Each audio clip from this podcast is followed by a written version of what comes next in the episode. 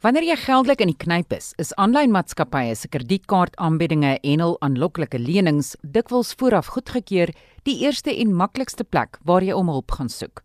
Of wanneer jy skielik 'n e-pos kry wat jou inlig dat jy geld geërf het van 'n tante in Nederland van wie jy nog nooit gehoor het nie, begin jy skielik breed te glimlag.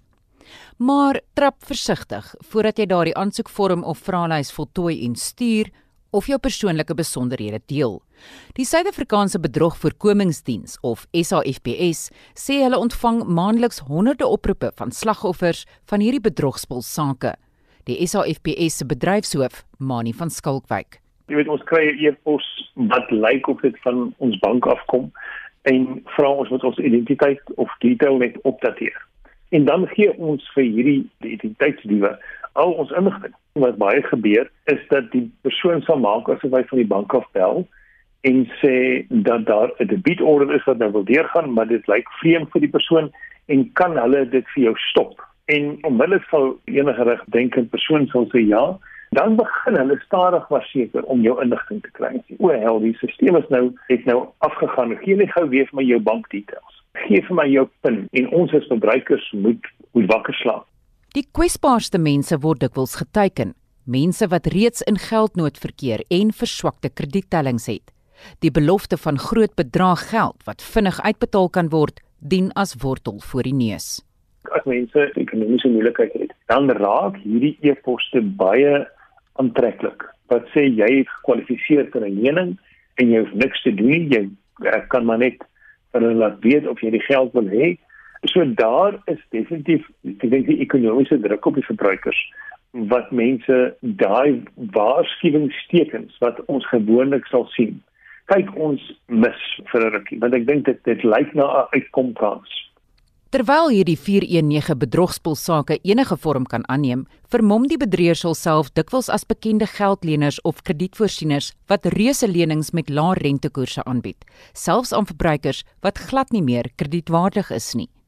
Daar is ook ander aanloklike uitnodigings, soos stuur net jou identiteitsnommer en bankbesonderhede, want jy het 'n prys gewen of geld geërf. Volgens die nasionale kredietwet mag geen kredietvoorsiener vra vir voorafbetaalde fooie nie. So dit moet eintlik maklik wees om handhaaf te maak wanneer 'n moontlike bedrieër insig is. Hulle soek nommer 1 jou geld So hulle gaan vir jou vra om 'n klomp geld te betaal om dan nou hierdie lening wat klaar goedgekeur is dan in jou rekening in te betaal en hulle sal dit opdolly as 'n uh, dit is geld vir regskoste of dit is geld vir die kontrakkoste of wat ook al.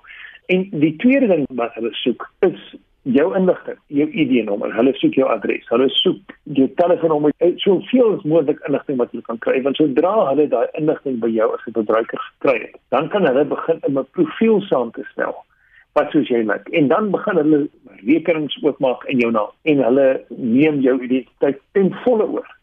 En wanneer die bedrieërs eers die slagoffer se geld en inligting het, verdwyn hulle dikwels van die radar sodra jy nou 'n sent oorbetaal het, kan jy dit nou maar afskryf en daar's geen saak aan te smeer. Sodra jy enigstens iets betaal, ons kan jou glad nie help nie en jy weet jy kan dan by die polisie nou maar gaan kla maar niemand gaan jou kan help nie. Dit is net 'n onmoontlikheid. Hier is waarvoor verbruikers moet uitkyk.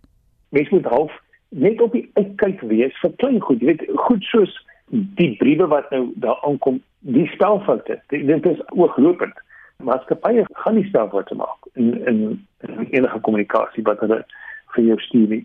Goed wat jy moet behoed op is, is jy het nie 'n prys gewen nie. Al wil jy graag 'n prys hê. Jy het nie 'n tante wat in Nederland vir jou geld gelos het nie. Daar so baie mense wat nog steeds daar verval dat hierdie mense by die 419 scams doen 'n klomp geld. Wees dus baie versigtig voordat jy inligting oorhandig of geld oorbetaal. Ek is Estie de Klerk vir SAK nuus.